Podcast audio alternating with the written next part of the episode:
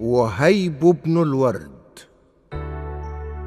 في أرض مكة المكرمة كان يعيش الكثير من العلماء والصالحين وكان المسجد الحرام يمتلئ بالعباد والدعاة والمعلمين وطلاب العلم.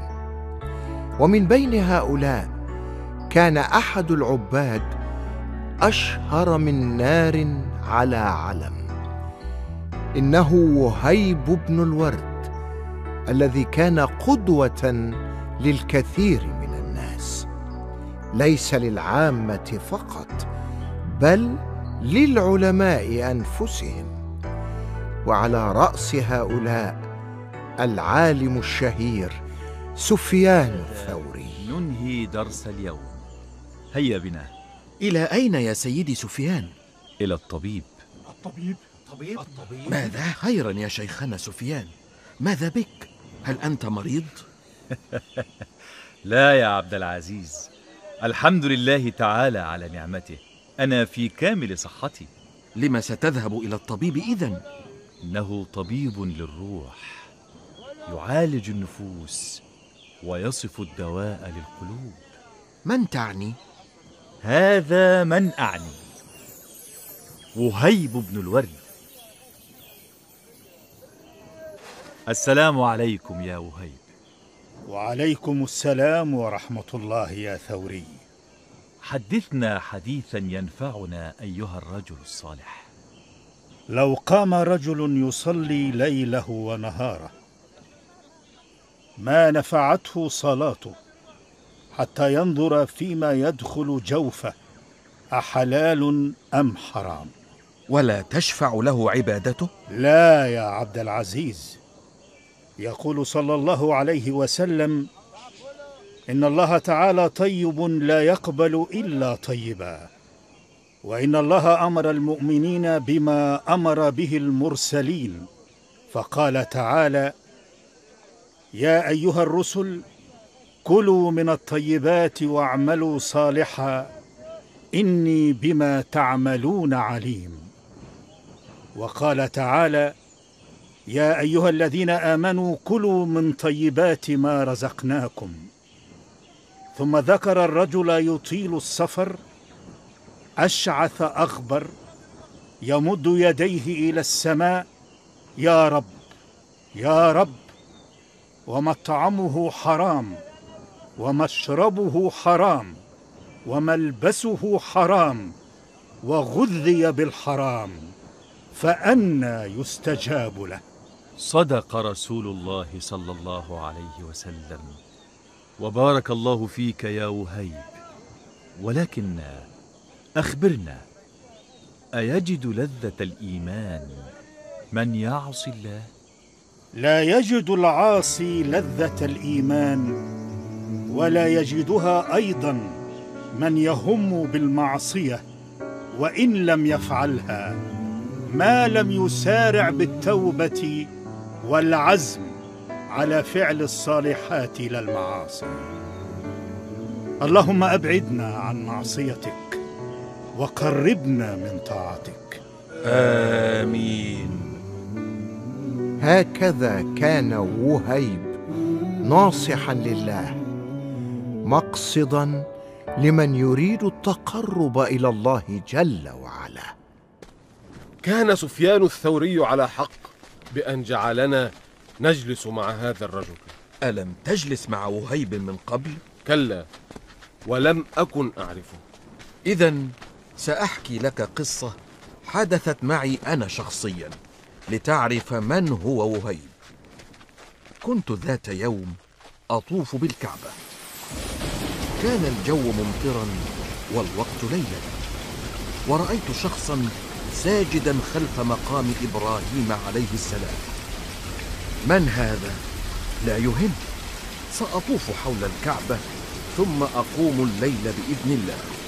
بدأت في الطواف ولم يتحرك ذلك الشخص من مكانه. وبعد أن أنهيت الطواف كان لا يزال ساجدا. كنا في أول الليل فاخترت مكانا قريبا منه وبدأت أصلي القيام.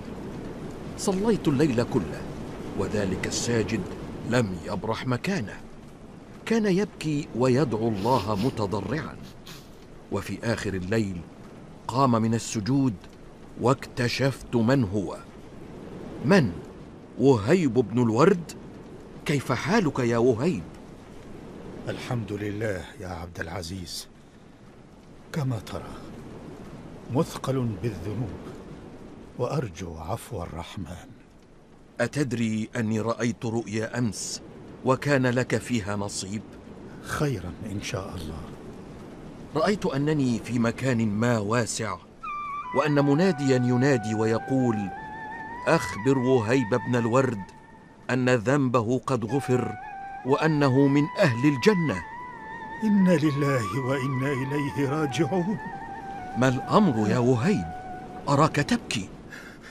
أخشى أن تكون هذه الرؤيا من الشيطان لتبلغني بها فيتسرب الغرور إلى نفسي وأطمئن إلى الدنيا فيصيبني غضب من الله وعذاب. اللهم اصرف عني كيد الشيطان اللهم اصرف عني كيد الشيطان. وتركته وأنا متعجب من ورعه وخوفه من الله وتقواه. سبحان الله. حقا. إنه شخص يندر أن تجد مثله. كان وهيب يحفظ الكثير من قصص الأنبياء والمرسلين وكان يقصها على المسلمين ليأخذوا منها العظة سامحني يا والعبرة. سيدي لن أعود إلى السرقة مرة أخرى. دعني أخرج أرجوك. وما يدريني أنك لن تعودي إلى السرقة مرة أخرى. لن أتركك حتى أسلمك إلى جندي يقتادك إلى السجن. إنني أعلن التوبة أمامك. وهل يقبل الله لك توبة؟ أنت لصه وسارقه كيف تقول هذا؟ وما يدريك بما يقبله الله عز وجل وما لا يقبله؟ وهيب بن الورد أنت تقول هذا؟ سأخبرك بما حدث اولا ثم احكم أنت.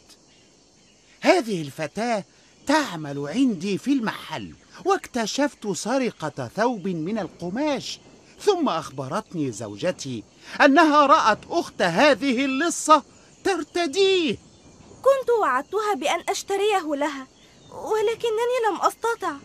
أيكون الحل بالسرقة إذن؟ اسمع أيها الرجل ما دامت قد أعلنت التوبة فلا تقف عائقا بينها وبين هذا. إن أطلقت سراحي يا سيدي سأرد إليك الثوب. وها هي تعيد الحقوق إلى أصحابها.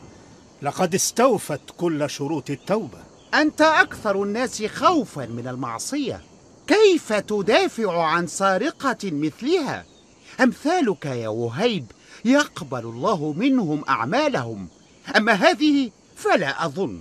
سأحكي لك قصة لتعرف أنك مخطئ في كل ما قلته.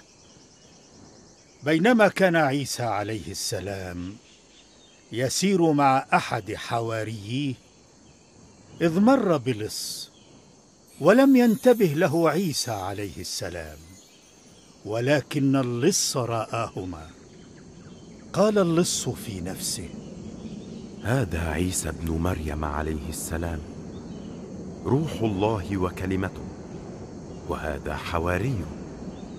ومن أنت يا شقي؟ لص بني إسرائيل قطعت الطريق وأخذت الأموال وسفكت الدماء. ثم قرر اللص أن يسير مع عيسى عليه السلام والحواري تائبا نادما على ما كان منه. فلما لحقهما قال لنفسه امشي خلفهما كما يمشي الخطاء المذنب مثلك.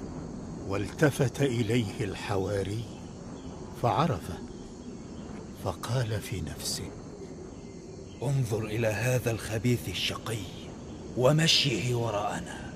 فاطلع الله سبحانه وتعالى على ما في قلوبهما من ندم اللص وتوبته ومن ازدراء الحواري إياه وتفضيله نفسه عليه. أما اللص فقد غفرت له ما قد مضى لندمه وتوبته. وأما الحواري فقد حبط عمله لعجبه بنفسه وازدرائه هذا التائب. فلم يشفع للحواري مصاحبته لرسول الله ونبيه عيسى. وقبل الله توبة اللص شرط أن يبدأ في العمل الصالح. فهمت. حسنا. اخرجي أيتها الفتاة فقد عفوت عنك. وأنا أقسم لك إنني لن أعود إلى السرقة وسأعيد إليك الثوب فورا. وأشهد الله أمامكما أنني قد تبت إليه سبحانه وتعالى توبة نصوحة. جزاك الله خيرا يا وهيب. أرجو أن يجعل الله ما تفعله هذه الفتاة من عمل صالح. في ميزان حسناتك. كان وهيب يشتهر أيضا بالزهد وتحري الحلال في طعامه أحضرت لكم وشرابه اليوم رطبا من أفضل الرطب الموجود في السوق. هل جاء موسم الرطب؟ ماذا؟ غريب ما تقوله يا وهيب. وما الغريب في هذا يا ابن المبارك؟ موسم الرطب يوشك أن ينتهي. نحن في آخره. ألم تذق رطبا منذ بداية الموسم؟ ألا تعرف أنت أنني لا آكل من رطب مكة وما الذي يمنعك من هذا يا وهيب؟ ما أعرفه أن معظم مزارع النخيل في مكة هي بساتين لا يعرف أصحابها فكرهت أن آكل منها يرحمك الله يا وهيب يجوز أكل ثمار البستان الذي لا يعرف صاحبه طالما أصبحت الثمار متوفرة في الأسواق. فلا تضيق على نفسك. لا أطلب منكم أن تفعلوا مثلي فإنما هو أمر أفعله أنا لأنني أعلم ضعف نفسي. سآخذ منكم بعض الماء فقط وسآكل من الخبز فهذا يشبعني بإذن الله ويمنحني القوة والطاقة لأكمل الصلاة والتقرب إلى الله في هذا الشهر الكريم. ما أشد زهدك يا ابن الورد؟ رحم الله الرجل الصالح وهيب بن الورد.